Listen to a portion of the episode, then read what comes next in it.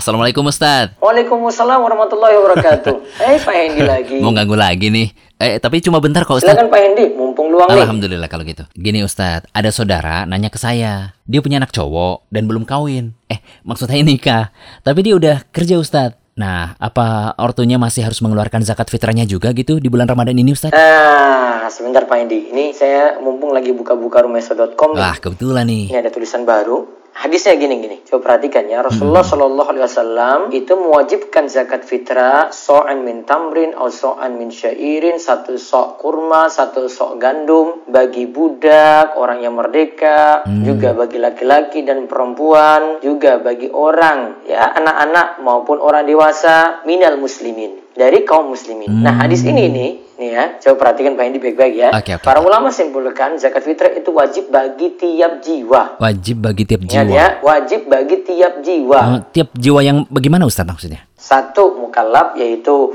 muslim balik berakal. Oke. Dua, mendapatkan waktu diwajibkannya zakat fitrah yaitu tenggelamnya matahari pada malam Idul Fitri nanti. Tentang waktunya gimana Ustaz? Nantilah tentang yang waktu ini saya akan jelaskan kapan-kapan. Ya Ustaz. Terus yang ketiga, Oke deh. Saat wajib adalah orang yang mudah membayar zakat fitrah. Jadi ketika kena waktu wajib tadi, dia wajib bayar zakat fitrah dari sisi mampu. Dia mudah bayar zakat fitrah. Mampu di sini punya apa Ustaz? Itu punya harta berlebih untuk diri dan keluarga yang dia tanggung nafkahnya pada malam Idul Fitri. Hmm.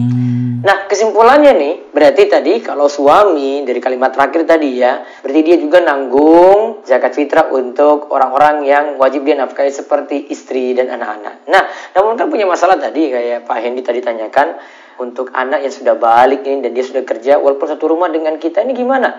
Tetap bagusnya dia bayar zakat fitrahnya sendiri. Oh, bayar Karena sendiri. tadi ya kalimatnya ya, masing-masing individu nanti tunaikan. Kecuali tadi untuk seorang ayah dia tanggung nafkah untuk keluarganya maka dia bayarkan zakat fitrahnya. Tapi kalau udah bisa mandiri, Kalau anak ini sudah bisa mandiri, bayar sendiri. dia bayar zakat fitrahnya sendiri. Oh gitu. Gimana? Sudah paham kan? Sudah, alhamdulillah Ustaz. Yaudah gitu aja Ustaz. Jangan bosan-bosan ya Ustaz. Soalnya besok-besok saya mau nanya-nanya lagi. Silakan, Sekali Pak lagi syukran Ustaz. Barakallah. Assalamualaikum. Waalaikumsalam warahmatullahi wabarakatuh.